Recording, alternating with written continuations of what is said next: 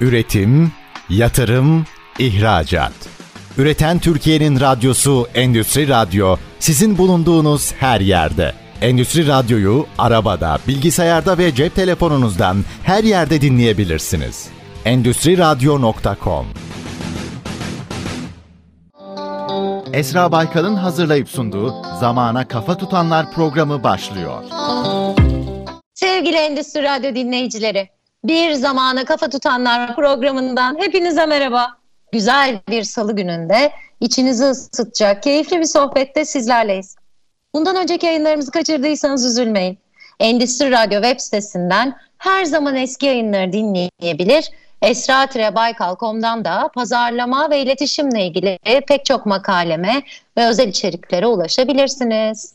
Efendim gelelim bu haftanın konusuna. Birazcık alışveriş aplikasyonlarını konuşalım istiyorum. Pandemiyle birlikte her birimiz ekranlarımızla baş başa kaldık.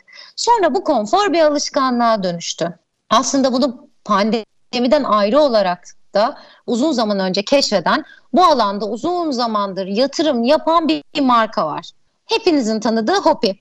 Hopi alışveriş yaptıkça kazandığınız farklı avantajlarla tüketicileri ihtiyaçlarına göre destek veren çok katmanlı ve teknolojik bir uygulama. Ve Hopi yeni yönetimi, yepyeni uygulamalarıyla yerini güçlendirmeye devam ediyor. Şimdi madem böyle güzel alışveriş aplikasyonları konuşuyoruz, birazcık da Hopi'nin bu alanda çok uzun zamandır deneyimli olan bir yöneticisini ben ağırlamak istedim. Çünkü Hopi çok kendini geliştirdi, bir sürü şey yapıyor ve çok heyecanlı bir yolculuğa çıkmış durumda. Ve perakende alanında zaten çok deneyimli olan ve bugün de Hopi'nin ilerleyişinde deneyimleriyle fark yaratan bir isim konuğumuz olsun istedim. O yüzden de bugün Gülsar Aydın'la birlikteyiz. Gül Hanım hoş geldiniz. Nasılsınız? E, merhaba Esra Hanım. Çok teşekkür ederim. Ne güzel gene sizinle bir arada olmak. Evet sizi tekrar ağırlamaktan dolayı çok çok mutluyum. Geçen programımız da çok güzeldi. Çok keyifli akmıştı sohbet. Bugün de aynı şekilde olacağını inanıyorum ben de. Aynen. Ee, Valla benim için de unutulmaz bir tat bırakmıştı. Nasıl geçti 45 dakika anlamamıştım. Eminim bugün de öyle olacaktır. Şimdi biraz kariyer değişikliğinizi de konuşalım istiyorum. Biz son görüşmemizde siz gratisteydiniz sonra Hopi'ye geçtiniz. Sizin bu perakendedeki deneyimleriniz aslında böyle bir alışveriş uygulamasının yapılanması ve yenilikleri çerçevesinde de eminim e, böyle önemli, kıymetli değerler de kazandırmıştır. Neler aktardınız o cebinize koyduğunuz bilgilerden OPİ'ye? Şimdi benim e, toplam kariyerime baktığınız zaman aslında hep böyle son tüketiciyle bir arada olduğum işler yapmaya çalıştım. Ve bunu yaparken de hem bu dönüşen dijital ekonominin içinde olma ve bu yetkinlikleri geliştirme konusunda da motivasyonum çok yüksekti. O dönemde sohbetimizde de paylaşmıştım. Gratis'e geçerken de aslında buradaki deneyimimi e, birazcık e-ticaret deneyimiyle de birleştirebileceğim bir potansiyel bulduğum için çok heyecanlı bir biçimde geçmiştim. Pandeminin patlamasıyla birlikte de neredeyse 2-3 yılda öğreneceğim e-ticaret deneyimini işte yaklaşık 1 yıl 8 ay gibi bir zamanda öğrenme şansını elde ettim. Bu da şans mı şanssızlık mı denir bilmiyorum ama benim için gerçekten çok e, önemli bir dönemdi.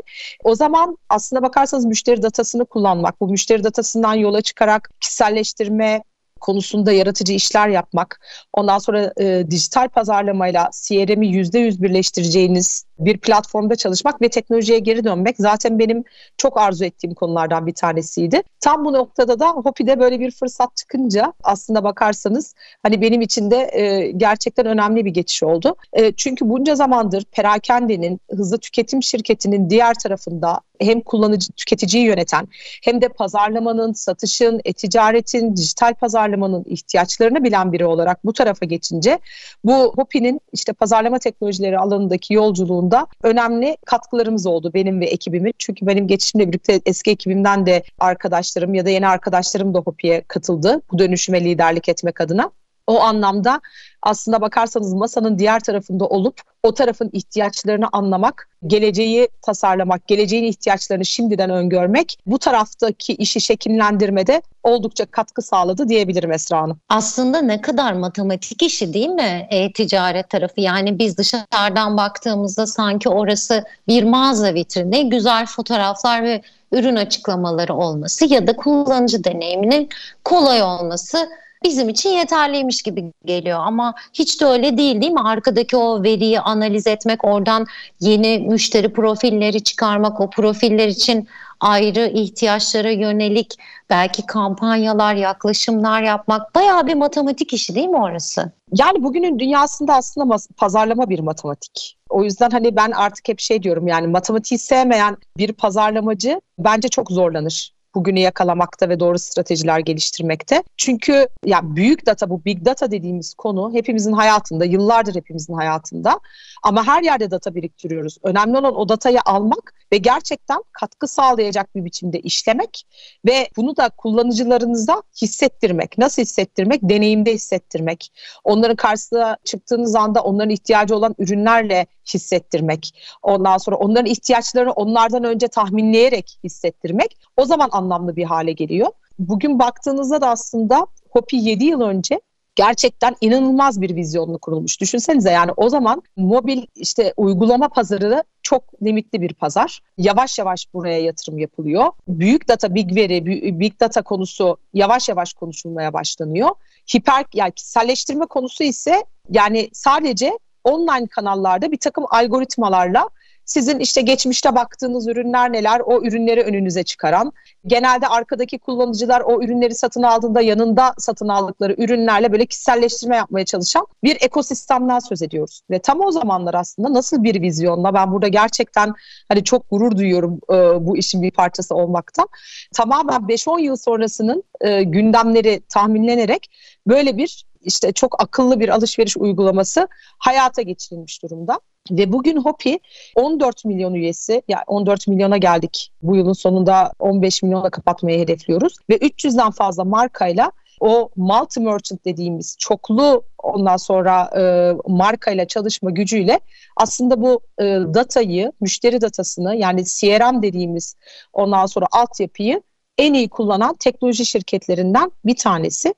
Bunu da şöyle size aslında anlatayım Esra Hanım. Bence çok daha net olur kafalarda. Şimdi ben e, bir giyim markası için, kadın giyim markası için beyaz yaka bir gülüm. Yani oradan alışveriş yaptığımda o marka beni hangi periyotta gömlek ya da elbise aldığımda tanıyor. Başka bir spor giyim markası için ben işte pilates yapan, koşan gülüm. Çünkü koşu ayakkabısı alıyorum, pilates kıyafetleri alıyorum. O beni o dikeyde tanıyor. Bir seyahat acentası için ben her yıl 2-3 kere seyahate gitmeyi seven ve sevdiğim lokasyonların o acente tarafından bilinen se- seyahat sever bir gülüm. Bir anne çocuk markası için ise ben iki çocuğu olan ondan sonra periyodik olarak çocuklarının bir kız bir erkek ihtiyaçlarını satın alan biriyim. Her biri beni kendi özelindeki dikeyde tanıyabiliyor ve buna yönelik bana bir takım işte teklifler sunabiliyor. Hopi'nin bugün en önemli gücü, bu arada Hopi sadece Türkiye'de değil, dünyada unik bir case. Onun da altını çizmek istiyorum. Biz sizin yani biz Gül'ün bütün bu markalarla olan iletişimini ürün bazında takip edebildiğimiz için bizim entegrasyon kasımız çok güçlü. Kasa entegrasyonumuz var ve marka marka ayakkabı numarası, renk her şeyi alabildiğimiz bir altyapı çalıştırıyoruz arka tarafta.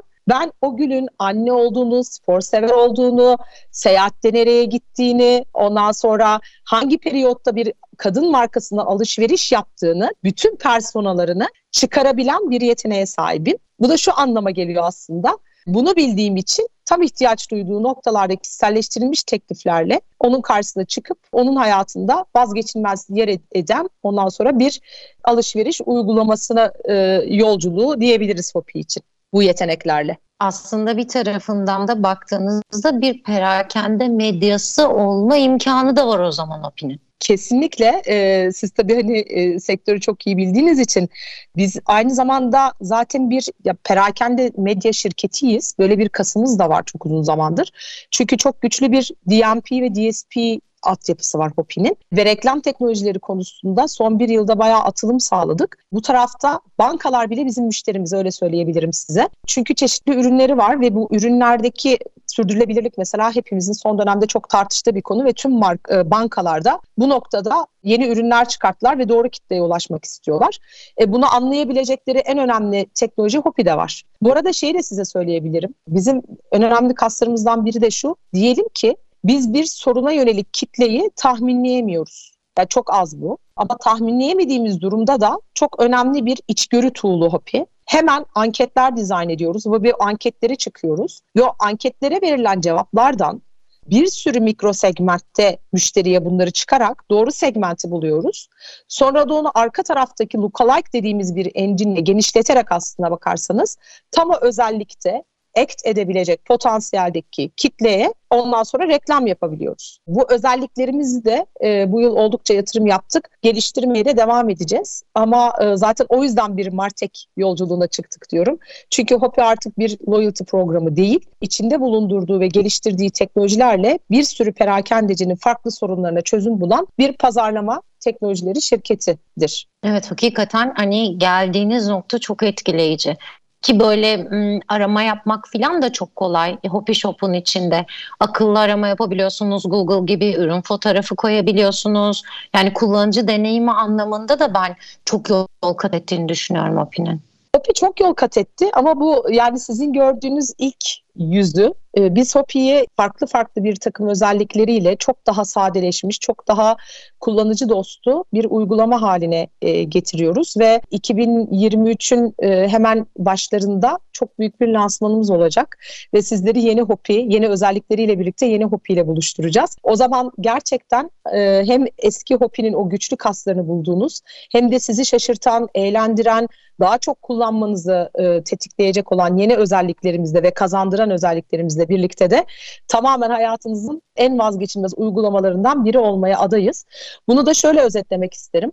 Şimdi biz bu yeni Hopi'yi tasarlarken çok ciddi bir kullanıcı araştırması yaptık arka tarafta. O araştırmayı yaptıktan sonra bu yetmedi. Bunu gittik bayağı ekran ekran tasarlayarak aslında ne kadar kullanıcılara ulaşabiliyoruz, ürünlerimiz ne kadar anlaşılabiliyor, kullanılabilirlik testi yaptık. Bu da yetmedi. Açıklarımız var mı diye Nero testlerle de bunları destekledik. Çünkü biliyorsunuz bazen aynı ortamda bulunduğunuzda bu tür araştırmalarda birbirinizden etkilenerek hissettiğiniz ya da sizi heyecanlandıran şeyi çok doğru dile getiremeyebiliyorsunuz. Ama beyin dalgalarını ölçtüğümüz sistemlerle birlikte nerelerde kullanıcılar tıkanıyor, nerelerde gerçekten heyecanlanıyor, nereler bizim bariyer noktalarımız, kullandığımız renklere kadar bunları da test ettik ve en sonunda dediğim gibi 2023 yılının hemen başlarında lanse edeceğimiz yeni uygulamamızı hayata geçirmek üzere çalışmalara başladık. Çünkü yine araştırmalar şunu gösteriyor ki bugün insanlar işte ev ya da ikinci el sitelerine asla sahip olamayacakları evlere ya da teknelere ya da arabalara bakmak ya da sahip olmayı umdukları bu tür ürünlerde fiyat düştü mü onu yakalamak için giriyorlar. İnsanlar işte popüler marketplace'lere belki de gördükleri 6-7 bin liralık elbisenin muadili çok yakınını işte 500-600 liraya alabilir miyim e, motivasyonuyla giriyorlar. O bizim genlerimizden gelen bu avcılık ve top, toplayıcılık geni bugünün dünyasında o indirimi yakalama, hayal ettiğini yakalama, hayal ettiğinle karşılaşma duygusunu inanılmaz tetikleyen bir duygu. Yani çok şaşırtıcı ama bütün araştırmalar e, bize bunu gösterdi. Bunun üzerine de kurulu bu heyecanlandırma, bu yakalama, e, yakaladığı anda kendini iyi hissetme ve o merak etme duygusu üzerine tasarladığımız e, yeni ürünlerimiz de oldukça kullanıcı beğenisi alacak diye düşünüyoruz açıkçası. O zaman onunla ilgili detaylı sorularımı ikinci bölüme alayım. Bir kısa reklam arasına gidelim. Ondan sonra ben de çok heyecanlandım. Bir iki sorum daha olsun bununla ilgili. Tamamdır anlaştık. Kısa bir reklam arasından sonra yine sizlerle birlikte olacağız efendim. Üretim, yatırım, ihracat. Üreten Türkiye'nin radyosu Endüstri Radyo sizin bulunduğunuz her yerde. Endüstri Radyo'yu arabada, bilgisayarda ve cep telefonunuzdan her yerde dinleyebilirsiniz. Endüstri Radyo.com Sevgili zamana kafa tutanlar dinleyicileri, programımızın ikinci bölümünde Gül Sağır Aydın'la Hopi sohbeti yapmaya devam ediyoruz. Programımızın birinci bölümünde Hopi'nin aslında uzun zamanda nasıl güzel bir yere geldiğini sadece bir sadakat programı değil, bir puan toplama programı değil, bugün Türkiye'nin ve dünyanın en önemli perakende pazarlaması, perakende medyası ve perakende teknolojileri firması dönüşümünü konuştuk. Tabii bu çok heyecanlı bir şey ve 2023 Ocağı itibariyle de yeni bir Hopi arayüzü geldiğini dinledik kendisinden. Peki benim aklımda hep Hopi böyle daha tekstil diye kaldı. En çok belki de çıkışı bu yüzdendi. Biraz da gamerlar kalmıştı. Böyle onların teknoloji ihtiyaçları, kulaklıklar, işte PlayStation malzemeleri vesaire diye kalmıştı. Hopi'nin bu büyük sıçrayışıyla birlikte hangi kategorileri daha kapsamaya başladı? Ben Hopi'ye girdiğimde neler bulabilirim Gül Hanım? Esra Hanım Hopi'ye girdiğiniz zaman ihtiyacınız olan her sektörden markayla karşılaşabilirsiniz. Ya biz bugün e, arama kiral araba kiralama sektöründe de Mesela çok baskın bir aslına bakarsanız dominasyonumuz var. İstediğiniz arabayı istediğiniz şirketten HOP ile avantajlı bir biçimde kiralayabilirsiniz. Seyahat bizim çok önemli kategorilerimizden bir tanesi. Eğlence çok önemli kategorilerimizden bir tanesi. Eğer konserlere, tiyatrolara gitmeyi seviyorsanız yine buradaki biletlerinizi çok avantajlı Hopi'den satın alabilirsiniz. Tekstil dediğiniz gibi en güçlü olduğumuz yerlerden bir tanesi. Gıda yani restoranlar ondan sonra bazı alışveriş yaptığınız e, çok niş ya da mes e, markaları Hopi'de bulabilirsiniz. Aslına bakarsanız biz bunu nasıl yorumluyoruz? Yani biz bu kategorileri içeri nasıl alıyoruz? Bir de birazcık ondan çok kısa bahsedeyim. Bunun da arkasında bir matematik var. Sonuç olarak bizim sahip olduğumuz 14 milyonluk database'imizde var olan kullanıcıların tamamının bir alışveriş döngüsü var, bir alışveriş yolculuğu var. Ve o alışveriş yolculuğunda ihtiyaç duyabilecekleri her tür marka e, ve her tür kategoriye odaklanmaya çalışıyoruz. Çünkü bizim için bu konu Hopi'nin içerisine bir marka aldık değil. Bizim sahip olduğumuz bu segmentler alışveriş yolculuklarında ya da günlük hayatlarında ne tür markalara ihtiyaç duyabilirler ve ihtiyaç duydukları anda biz nasıl onların hayatında olabiliriz? Buna odaklı bir matematikten türeyen bir yaklaşım ve biz bu markaları öyle içeri almaya çalışıyoruz. Sigorta şirketleri bile mesela bizim müşterimiz çünkü hani sigorta da insanların artık çok ihtiyaç duyduğu bir şey. O yüzden ihtiyacınız olan her yerde olmayı hedefliyoruz. Şimdi yeni özelliklerimizde tabii bu konudaki kaslarımızı daha da geliştirmemize yol açacak. Bir de bunu şeyle de yakalayabilirsiniz aslında bakarsanız. Şimdi bize e, bir extension'ımız var ve tıkla kazan kurgumuz var. Yani bugün hiç ummadığınız markalarda aslında yaptığınız alışverişte Hopi size paracık kazandırabiliyor. İşte IKEA bunlardan bir tanesi, H&M bunlardan bir tanesi ve eğer bizim Chrome extension'ımızı bilgisayarınıza indirdiğinizde alışveriş yaptığınızda böyle tak diye hiç Hopi'ye de girmenize gerek yok. İşte bu alışverişinden yüzde beş Ondan sonra paracık kazanacaksın. İşte bu markada şu an hem e, işte paracık kazandırma hem de paracık kullanma kampanyası var gibi bilgisayarınızda size anında pop-up'larla ne kampanyası olduğunu gösteren özelliklerimiz de mevcut. O yüzden yani 300 tane markada aslında 300 markada hiç az değil baktığınız zaman Hopi faydalarını bulabildiğiniz bir ekosistemden söz ediyoruz. Yani ben bir birey olarak biraz önce de söylediğiniz gibi kendi içimdeki her bir katmana uygun ürünü, markayı Hopi'de bulabiliyorum. Bunu anlıyorum söylediğiniz şeyden. Evet, evet aynen öyle ve çılgın alışveriş duygumu tetikleyen indirim ve kampanyalar da bana sürpriz diye çıkabiliyor. evet çıkabiliyor. Bilmiyorum son kampanyamızdan faydalandınız mı ama alışveriş günleri kampanyamızdan. Orada da yani geçtiğimiz e, haftalarda da e, oldukça ses getiren bir kampanya yaptık kullanıcılarımıza önden paracık yükledik ve çeşitli markalarda harcamalarını sağladık. E, oldukça olumlu tepkiler de aldık bununla ilgili. Dönüşler çok beklediğimizin çok üzerinde bir dönüş aldık. Çok mutluyuz o anlamda. Bilmiyorum size ulaşabildik mi Esra Hanım? Ben çok alışveriş teşne birisi değilim ama e, anlattığınız sistemler özellikle yurt dışında çok trend olan sistemler. Yani önden bir değer verip onun üzerine harcamayı tetiklemek ya da hiç beklemediği anda karşısına çıkmak bu birazcık şey gibi geliyor bana ve bence bu çok doğru bir işgörü. Tüketicilerin ben bir şey mi kaçırıyorum acaba? Aman aman hiçbir şey kaçırmayayım. Hissini tetikleyerek alışveriş daha sürdürülebilir kılınıyor pek çok aslında sosyal medya uygulamasından tutun alışveriş aplikasyonlarına, süper app'lere kadar hep bu içgörünün üzerine gidiyor ve evet size katılıyorum. Genetik olarak avcı toplayıcı genimizden kaynaklı bizim alışverişe bakışımız da bu şekilde devam ediyor. Kadında erkekte değişimler oluyor. Erkek biraz daha odaklı gidiyor tabii. Yani ne almak istiyorsa gidiyor ve onu alıyor. Ya da onun indirimlisini alıyor. Ama kadın olarak benim gözlemlediğim kadın fizanda olsa gidiyor istediği şeyi buluyor ama dağılma potansiyeli çok daha yüksek. Yani gömlek almaya girdiğinde kendini nevresim takımı alıp çıkmış olarak da bulabiliyor değil mi? Hopi bunları da gözlemliyor aslında. Esra Hanım tam e, bu noktada çok güzel bir yere değindiniz. Şimdi biz markalar yani perakendecileri düşündüğümüz zaman aslında tüketicilerin karşısına ne kadar çok ürün yani hepimizin bir ürün, farklı ürün çıkartma motivasyonu var. Ama tüketici psikolojisine baktığınız zaman aslında bakarsanız bu kadar çok ürün, bu kadar çok işte satın alma davranışını tetikleyen unsurun arasında her seçim bir vazgeçiş ve bu vazgeçiş de tüketiciler için bir trade-off. Yani onları mutsuz eden bir unsur haline geliyor. Çünkü bu gömleği aldım. Hep içinizde şu oluyor değil mi? Ah keşke bunu mu alsaydım? Daha mı uygun fiyatlıydı? Bana daha mı uygundu? Kumaşı daha mı güzeldi? Şimdi buna hep böyle bir hissiyat var. Özellikle kadın tüketicilerde sizin de dediğiniz gibi. Ve bu kaos da kullanıcılardaki bu alışveriş deneyimi de bir süre sonra mutsuz hale getiriyor. Mesela benim için de öyledir. E-ticaret herkesin hayatını çok kolaylaştıran, ondan sonra hiç dışarı çıkmadan hızlıca alışveriş yapabildiğiniz bir sistem gibi görünse de ben bazen çok kayboluyorum. Mağazaya gidip alışveriş yapsam benim için o deneyim çok daha hızlı ve kolay ol- oluyor. Çünkü önüme bir sürü seçenek çıkıyor ve hangisi benim için uygun, doğru beden mi, doğru ürün mü?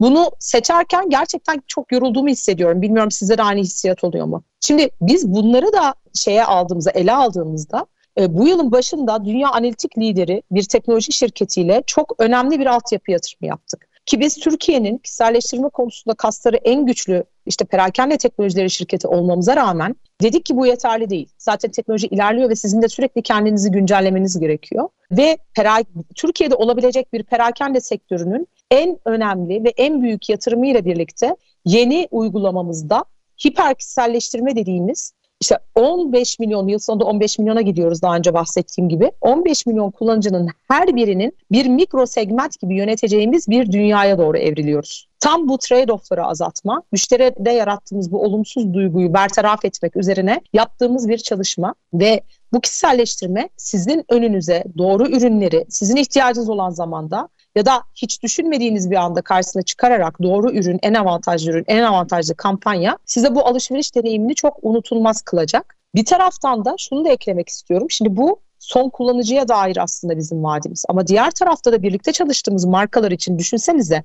Şu an herkesin bir insan kaynağı sorunu var. Özellikle datayı yani CRM konusunda. Siz de sektörden biliyorsunuzdur. İnsan kaynağı şu an bütün şirketlerin en büyük sorunu. Deyin ki insan kaynağını buluyorsunuz. Bu tür teknolojileri hayata geçirmek üzere yapmanız gereken yatırımlar var ve gerçekten pahalı yatırımlar. İşte biz B2B deneyimi içinde yani birlikte çalıştığımız firmalar içinde diyoruz ki bu yatırımları yapmanıza gerek yok. Biz sizin bir analitik ekibinizmiş gibi Hopi datası ile birlikte aslında hem de bu yatırımı biz sizler için yaptık. Bu altyapıyı kullanarak sizin ürünlerinizi maksimum verimlilikte ve karlılıkta kullanıcılarımızın karşısına çıkararak o tarafı da mutlu ettiğimiz ve son derece aslına bakarsanız gelirlerini ve giderlerini optimize ettiğimiz bir seçenek sunmuş oluyoruz. Bence bu kısmı da işin çok değerli. Çünkü Hopi sadece bir B2C şirketi değil biliyorsunuz. Bir B2B2C şirketi. O anlamda birlikte çalıştığımız firmalara sunduğumuz vaat de bence gerçekten çok unik bir vaat. Ve bence çok önemli çünkü rekabet bu alanda biraz ım,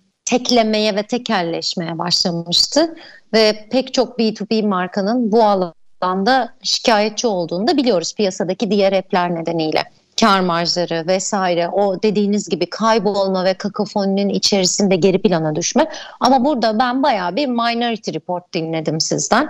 Yani azınlık raporu filmini hatırlayın sevgili dinleyicilerimiz. Bayağı Esra için öneri. Esra'ya ulaşmak isteyen marka için en doğru mecra e, ve onları en iyi şekilde, en verimli, en karlı şekilde birleştiren bir platform hissini aldım. Bu, bu çok gerçekten keyifli bir şey çünkü bizler de tüketici olarak aslında o kaosun içinde yol bulmakta ne kadar zorlanıyoruz. Evet, evet. Çok güzel özetlediniz. Peki bir, bir projeniz daha var. Beni çok heyecanlandırdığı için özellikle programın ikinci bölümünde sormak istiyorum. Seven Bytes projesi. Evet.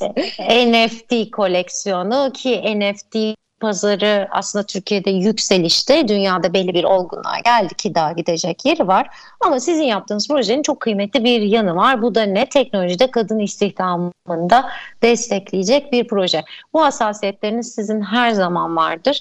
Ee, ve bunu da yine işte Hopi yapısının altına da gayet yine size yakışan bir teknoloji altında yaptınız. Biraz anlatabilir misiniz? Ee, muhtemelen pek çok kişi bilmiyor olabilir. Nedir bu proje ve nasıl teknolojide kadın istihdamını destekleyeceksiniz? Valla bu projeyi biz de çok Hopi'nin doğum günü için yaptık. Hopi'nin 7. yaşı çok unutulmaz olsun istedik. Bizim açımızdan da öyle oldu. Hatta geçen hafta bu projeyle 5 ödül aldık. o yüzden çok mutluyuz. Hatta daha da ödüller gelecekmiş onu da duyuyoruz. Önümüzdeki haftalarda da açıklanıyor. Şimdi bu NFT, e, web işte yeni web işte 3.0 dünyası, metaverse'ler çok konuşuluyor biliyorsunuz. Çok popüler konular. Ama yani Kullanıcıların kafası çok karışık. Ne yapılmaya çalışılıyor? Gerçekten biz bir dünyanın bir parçası olabilecek miyiz? Çok doğru uygulamalar olduğu gibi çok yanlış uygulamalar da var. E biz de bu konuya ya teknolojiyi zaten çok yakından takip eden bir şirket olarak ve kullanıcı alışkanlıklarının bu konuya tabii ki kafa yorar durumdayız. Ama dedik ki bunun ilk adımında kullanıcıya bunu hissettirebileceğimiz bir projeyle hayata geçirelim e, ilk projemizi. Ve tüm Hopi ekosistem ve deneyim zincirinin giderek de genişlediği bir dönemdeyiz biliyorsunuz. Son 2-3 yıldır pandeminin de etkisiyle. O zaman 13 milyondu kullanıcı sayımız. Hopi'nin 13 milyon kullanıcısına özel tek tek NFT pasta dilimleri hazırladık. Ya bu o zaman bir kampanyayla da kutladık. Her bir kullanıcının karşısına gerçekten sadece onun için dizayn edilmiş bir pasta dilimi çıktı ve her bir pasta dilimin altında da o kullanıcı için bir teklif vardı. Ve dijital sanatla da Hopi'yi buluşturduk bu çalışmayla ve hem kullanıcılarda hem de iş ortaklarında gerçekten büyük ses getirdi. Bunun ardından da dedik ki bu ölümsüz bir hale gelsin ve rap sanatçısı Tepki ve grafiti sanatçısı High Hero ile yine işte bu doğum gününe özel Seven Bytes NFT koleksiyonunu tasarladık. Burada da her bir e, tasarladığımız yine pasta diliminin anlamları var. Bir tanesi modayı ifade etti. Bir tanesi finansı, bir tanesi teknolojiyi, biri aşkı, eğlenceyi, müziği. Bütün o işte pasta dilimlerinin tamam teması bunlar e, bunlara aitti. Bunları da OpenSea platformunda satışa sunduk ve buradan elde ettiğimiz geliri de teknolojide kadın istihdamını desteklemek üzere ondan sonra bağışladık. Çünkü bu bizim yatırım yapacağımız alanlardan bir tanesi. Türkiye'de teknoloji konusunda çok önemli bir problem var teknoloji istihdamı konusunda. Ya işte biliyorsunuz Türkiye'de yaşayanlar genelde yurt dışı şirketlerde çalışıyorlar ya da ciddi bir beyin göçüyle bu konuda iyi olan arkadaşlarımızı yurt dışına kaybetmiş durumdayız. Ama bizim gibi teknoloji şirketlerinin de çok ihtiyacı var bu kadrolara. Biz de teknolojide kadınların da aslında çok aktif şekilde çalışabileceğini, belki de ortaokuldan, liseden onlara koçluk, mentorluk vererek bu konuda ilgi alanlarını ortaya çıkarıp onları eğitip ondan sonrasında da bu istihdama destek olabilecek bir model üzerinde çalışıyoruz. E, bunun da ilk adımı bu NFT Pass yani Seven Byte e, projemizde oldu. Bundan sonrasında da bu konuda çalışmalarımız sürecek. Çok da anlamlı oldu. Bizim de çok içimize sinen bir iş oldu. Sizin tarafınızdan da biliniyor olması da beni ayrıca mutlu etti. Teknolojideki kadın istihdamının artırılması konusu bence biraz önce söylediğiniz nedenlerle hem çok önemli hem de girişimci kadın ekosisteminde zaten çok az kadın var. Yani yüzde 17 filan oranları. Hatta diyeceksiniz Türkiye'de çalışan kadın sayısı kaç o da 27 de yine de yani girişimci kadınların baktığınızda yüzde 14-17 seviyelerinde kaldığı dünyada bile bunun içerisindeki teknoloji yatırım çok çok daha düşük. Yani kadınlar yine sosyal etiketlerine göre aslında girişimci oluyor. Ne bileyim örgüsünü satıyor, yemeğini satıyor. Bir anne çocuk markasına ya da takıya giriyor. Ama ben kadınların aslında bu algoritmaları yönetme, personel üzerinden fikir oluşturma, hele de bu organizasyon yetenekleriyle birlikte e-ticaret ve teknoloji alanında da çok başarılı olacaklarını düşünüyorum. Ve bu ilhamı, cesareti sizin gibi bunu başarmış kadınların yönettiği firmalardan almalarını onların yolunu açacağına daha çok inanıyorum. Çünkü bence iyi örneklere, ilham verecek karakterlere de ihtiyaçları var bu kadınların. Ben de bunu yapabilirim. Bu teknoloji ya da e, mekanik dünyası erkeğe sadece erkeğe has bir şey değil hissini genç kızlarımızın bile alması gerekiyor. Bence çok önemli yaptığınız şey. Psikolojik anlamda da çok önemli yani somut işte gayri safi milli hasılası istihdam oranlarının ötesinde psikolojik olarak da ben çok kıymetli olduğunu düşünüyorum doğru şekilde yönlendirmek ve onlarda o aydınlanmayı e, yaşamalarını sağlamak için destek olmak lazım. Buna çok ihtiyaçları var. Çünkü hani bu konuda yavaş yavaş bilinçleniyorlar e, gençlerimiz. O yüzden hani onların ya markaların sadece tabii ki Hopi yeterli değil ama birçok markanın bu konuda ellerinden tutup koçluk, mentorluk yapmaları ve bu konuyu desteklemesi çok önemli. Biz zaten biliyorsunuz bir Boyner Holding şirketi şirketiyiz. Ve Boyner Holding'in kadın konusuna yaklaşımı, kadın istihdamına yaklaşımı yıllardır yaptıkları çok önemli projeler var. E, grubun bir parçası olarak bu teknoloji kısmını da e, sahipleniyor olmak bizim açımızdan da çok anlamlı ve önemli. Peki o zaman yine bir kısa reklam arasına gidelim. Sonra da biraz perakendenin geleceğini konuşalım istiyorum sizinle olur mu? Tabii ki. Peki kısa bir reklam arasından sonra yine sizlerle birlikte olacağız efendim. Üretim, yatırım, ihracat. Üreten Türkiye'nin radyosu Endüstri Radyo sizin bulunduğunuz her yerde. Endüstri Radyo'yu arabada, bilgisayarda ve cep telefonunuzdan her yerde dinleyebilirsiniz. Endüstri Radyo.com Sevgili zamanı kafa tutanlar dinleyicileri programımızın son bölümünde Gülsar Aydın'la Hopi dünyasını konuşmaya devam ediyoruz. Ama bu bölümde birazcık da perakendenin geleceğini de soracağım ben ona. Çünkü aslında şimdiden geleceğe hazır gibi duruyorlar.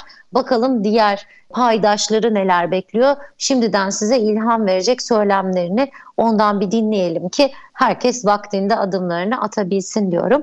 Bir de şimdi Hopi Shop'la Hopi Pay'i de sorayım olur mu? Yani Hopi Pay de sizin alt markalarınızdan bir tanesi. Biraz oradan da bahseder misiniz? Sonra da perakendenin geleceğine geçelim.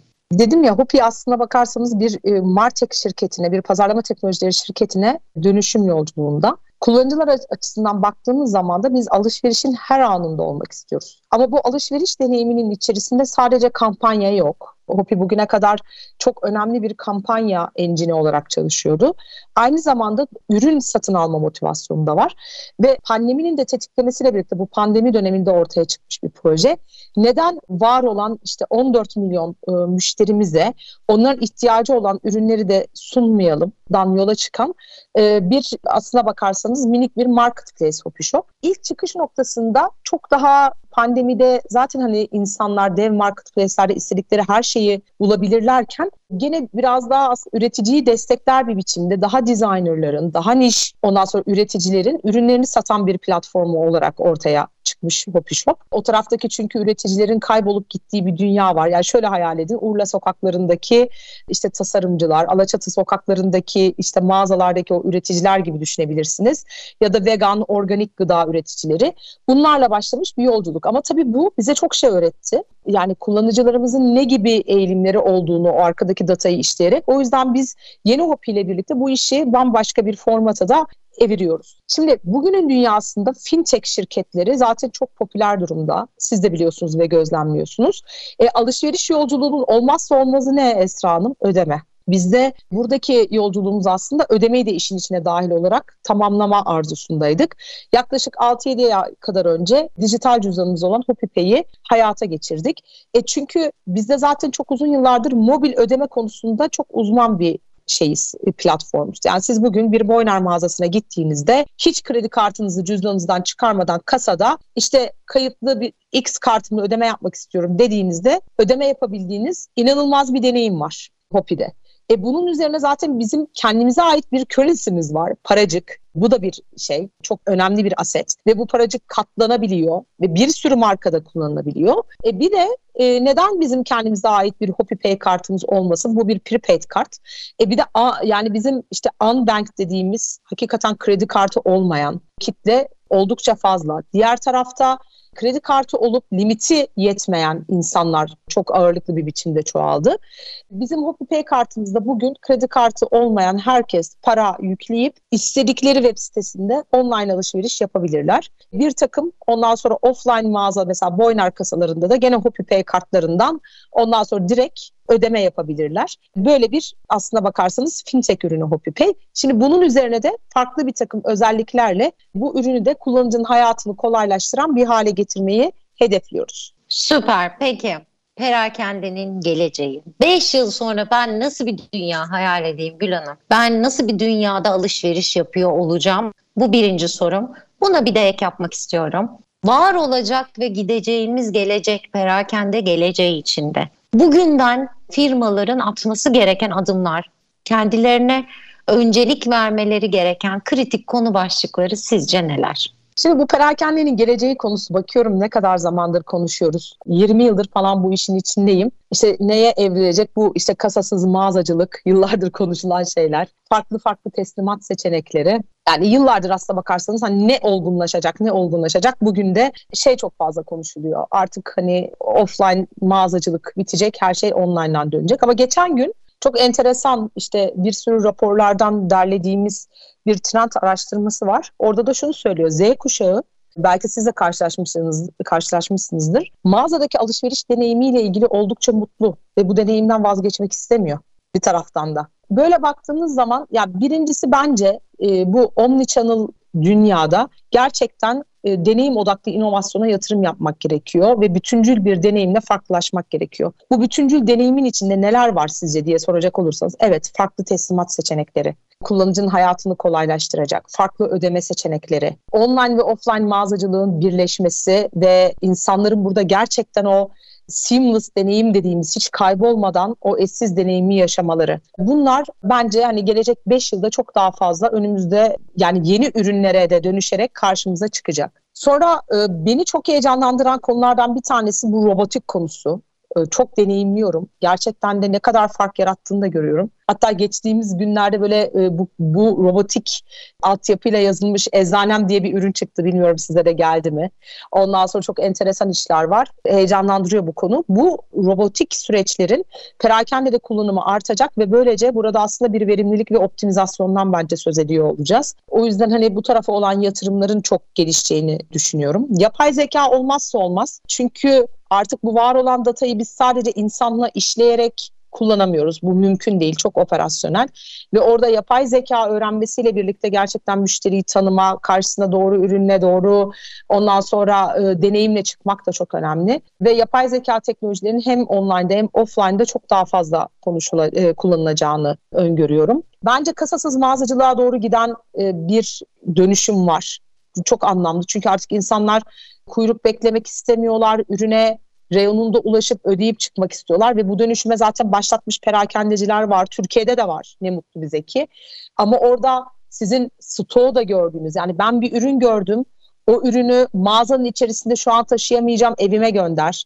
İşte bu ürün kalmadı ama 3 gün sonra geleceğini bilip ondan sonra bu mağazadan alamayacağım ama 3 gün sonra İzmir'de olacağım o mağazadan alayım. Yani gerçekten o süreç stok ve ödeme yöntemlerini birleştiren Omnichannel akıllı mağazacılık kurguları bence çok insanların hayatını kolaylaştıracak. Hem kullanıcıların hem perakendecilerin hayatını kolaylaştıracak diye düşünüyorum. Yani özetleyecek olursam bunlardan bahsedebilirim. Tabii bir de bunlarla birlikte mağazacılık deneyimleri çok değişiyor. Siz de görüyorsunuzdur artık interaktif vitrinler, gerçekten işte yepyeni kategori alanları, mağazanın içindeki o dijital ekranların çok bambaşka ondan sonra çok inspiring şekilde kullanılması ve insanların o mağaza deneyimini aslında gerçekten bir kafede arkadaşlarıyla oturup yemek yiyormuşçasında keyif aldıkları bir deneyime dönüştürmek de visual merchandising tarafında yani yepyeni ürünler bizi bekliyor olacak bence o tarafta.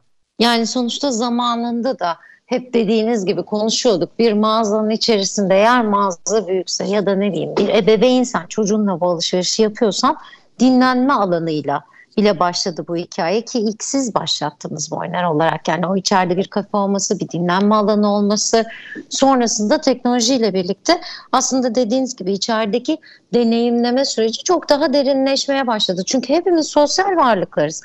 Yani sadece bir aplikasyon üzerinden alışveriş yapmak bir süre sonra sıkıcı oluyor yani bir sosyalleşmek istiyorsunuz, gezmek istiyorsunuz, o deneyimi yaşamak istiyorsunuz. Her iki sistemin entegre bir şekilde devam etmesi bence de çok önemli olacak.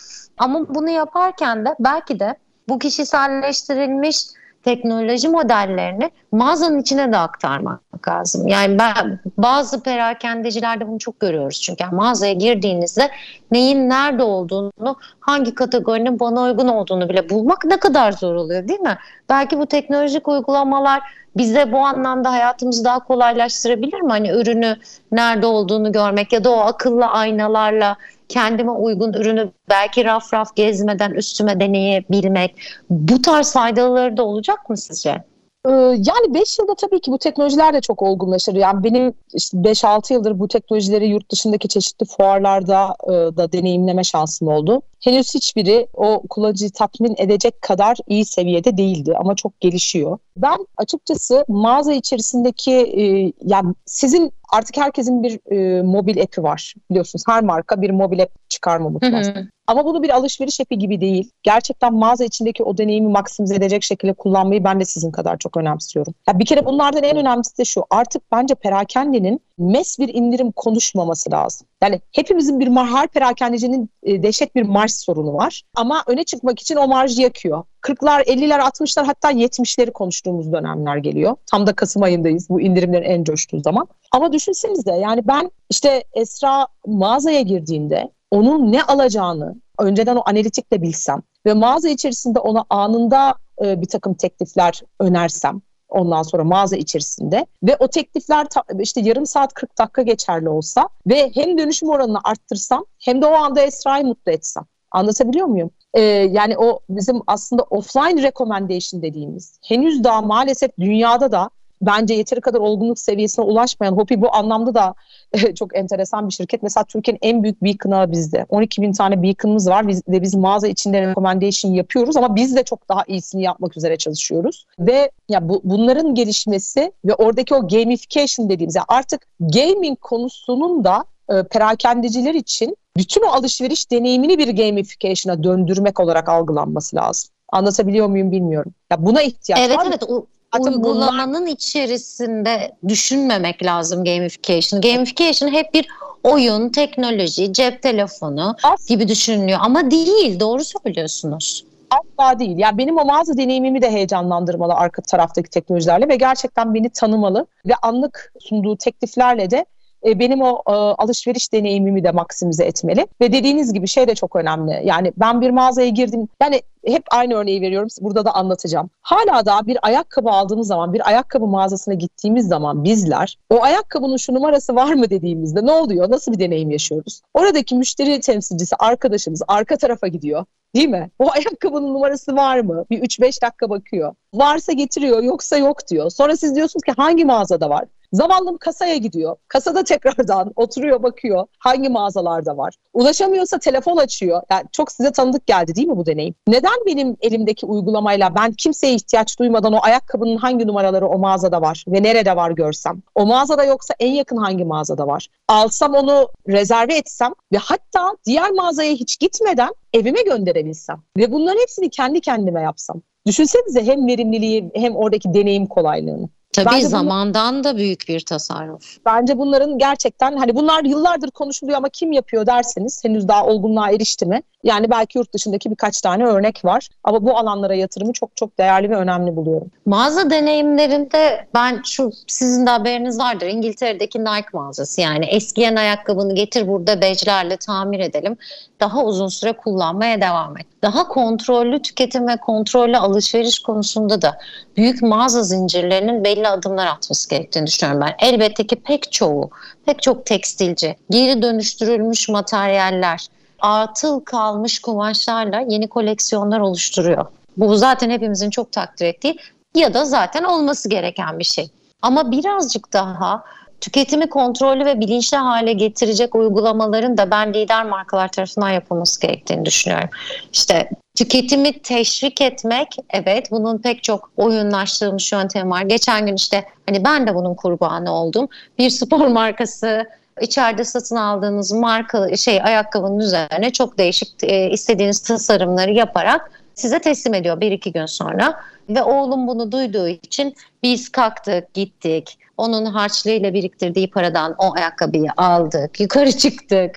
İstediği gibi tasarımlar yapıldı ve bir iki gün sonra da geldik satın aldık. Ama ben şunu biliyorum bir çocuk olarak onun bunu kullanma süresi maksimum iki ay sürecek. Çünkü kumaş bir ayakkabı. Keşke aynı yerde beni ve oğlumu alışverişe teşvik eden bu zihniyet ayakkabı biraz yıprandığında da tekrar beni oraya çağırıp bunun daha uzun süre kullanılabilir olması için uygun maliyetli belki de çözümler sunabilse. Ben o zaman bu döngünün daha sağlıklı ve e, gelecek için çok daha faydalı olduğunu da düşünüyorum. Kesinlikle katılıyorum. Peki son sorum sonra bitiriyoruz. Ben bunu her zaman soruyorum biliyorsunuz.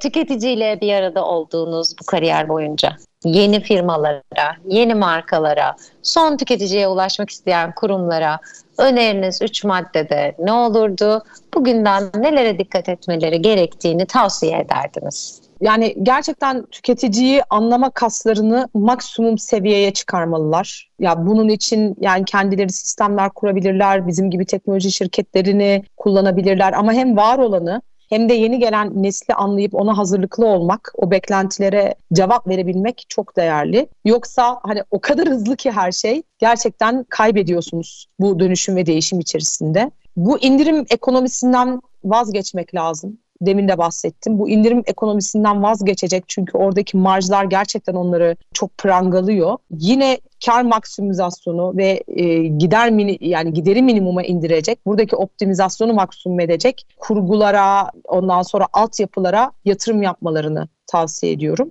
Üçüncüsü de herkes bugün deneyim konuşuyor. Deneyim dediğiniz şey herkes için çok değişken. Ama deneyimde inovasyon konusu hiç olmayanı yapmak. Mesela bizim işte yine takip etmişsinizdir Boyner Nav gibi hakikaten çok fark yaratan bir deneyim. Buna odaklanmak bence hakikaten son kullanıcıyı anlamada çok kritik diye düşünüyorum. Siz üç tane dediniz ama bir şey daha söylemek istiyorum. E, bir de bugün çok konuşulan ama hazır olup olmadığımızı ne bizim ne de kullanıcının hazır olup olmadığını bilmediğimiz bu blockchain teknolojisi ni de anlayarak sindire sindire yani bugünden illa bir şey yapmak değil ama neler olabilir, nasıl evrilebilir ve nasıl bu işte alışverişin, o kullanıcının ondan sonra bir parçası olacak bu dünya.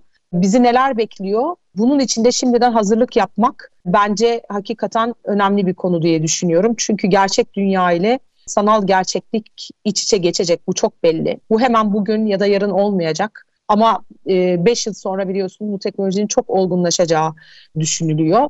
Ve bu noktada artık kazanan sadece markalar olmayacak. Biliyorsunuz aracılar ortadan kalkıyor ama markalar ve tüketiciler tamamen kazan kazan bir dünya var etmek zorunda olacaklar.